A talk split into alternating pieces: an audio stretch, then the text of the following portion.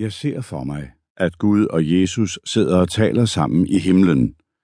Så får Gud øje på en af de nyankomne, hvorefter han siger til Jesus, skrub lige af, knægt, for der kommer Bamse, og ham har jeg nu lyst til at tale lidt med. Biskop Kjeld Holm ved kisten under Flemming Bamse Jørgensens begravelse fra Viby Kirke fredag den 7. januar 2011. Det er i dag, jeg skal afsted, min ven. Jeg glæder mig, til vi skal ses igen. For det er her hos dig, jeg har det bedst. Ja, det er dig, jeg elsker allermest. Når jeg sådan må forlade dig, ved du så, at jeg altid tænker på dig. At du er lyset for mig, der altid viser vej. Fra Bamses Grand Prix-vinder 1980 tænker altid på dig. Forår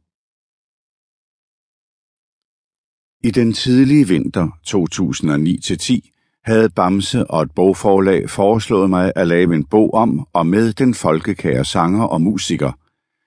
Jeg måtte takke nej, optaget som jeg var af andre skriveprojekter.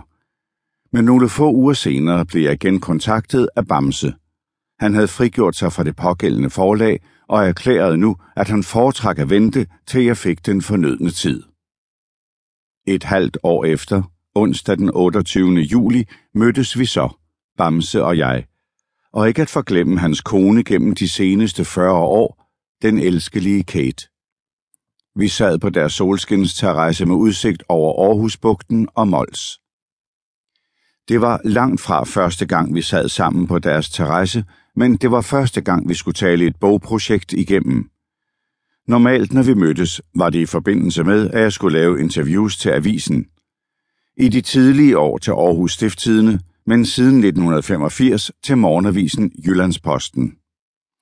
Så på den måde ville min bogopgave muligvis blive let. Og så igen på den anden side.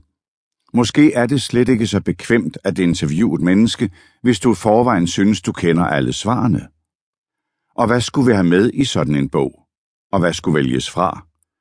Men enige blev vi, hvorefter jeg de næste måneder blev en fast besøgsven i villaen i EO. Det sidste besøg var ind under jul. Kate havde julepyntet villaen og bød på morgenmad, før vi gik i gang. De to voksne børn, Tina og Tejs, var kommet på besøg hos far og mor, og det lød som om de sammen med Kate forberedte en indkøbstur, nok blandt andet for at købe julegaver. Før de drog afsted, manglede vi kun, sådan rent praktisk, nogle fotos af Kate og Bamse til bogen, hvor de kom gående sammen langs bugten. Men både den dag og i de kommende dage drillede vejret, kulminerende med flere gange snestorm op mod jul. Men Bamse og jeg blev ved at ringe sammen i et væk for lige at minde hinanden om, hvad vi i småtingsafdelingen skulle have styr på, mens vejret drillede videre.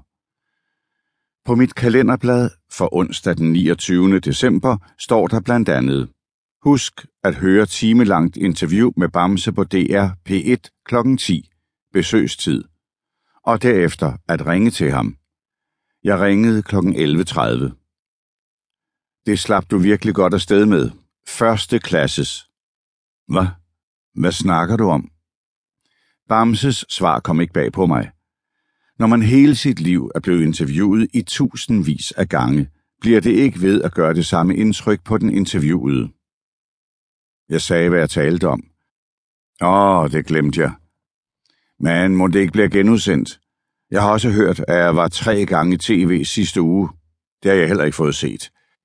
Jeg var blandt andet med i et Meyerheim-program, og så var jeg med i en julespecial af Hit med sangen, med et par af de andre fra All Stars-konkurrencen.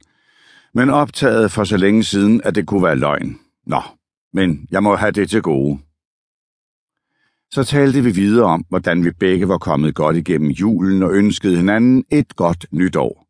Bamse var glad og i godt humør.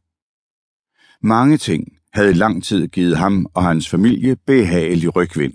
Hvad det angik, spurgte han, om jeg havde fået hans julemail, som han havde sendt ud til vennerne lille juleaften. Ja tak, det havde jeg.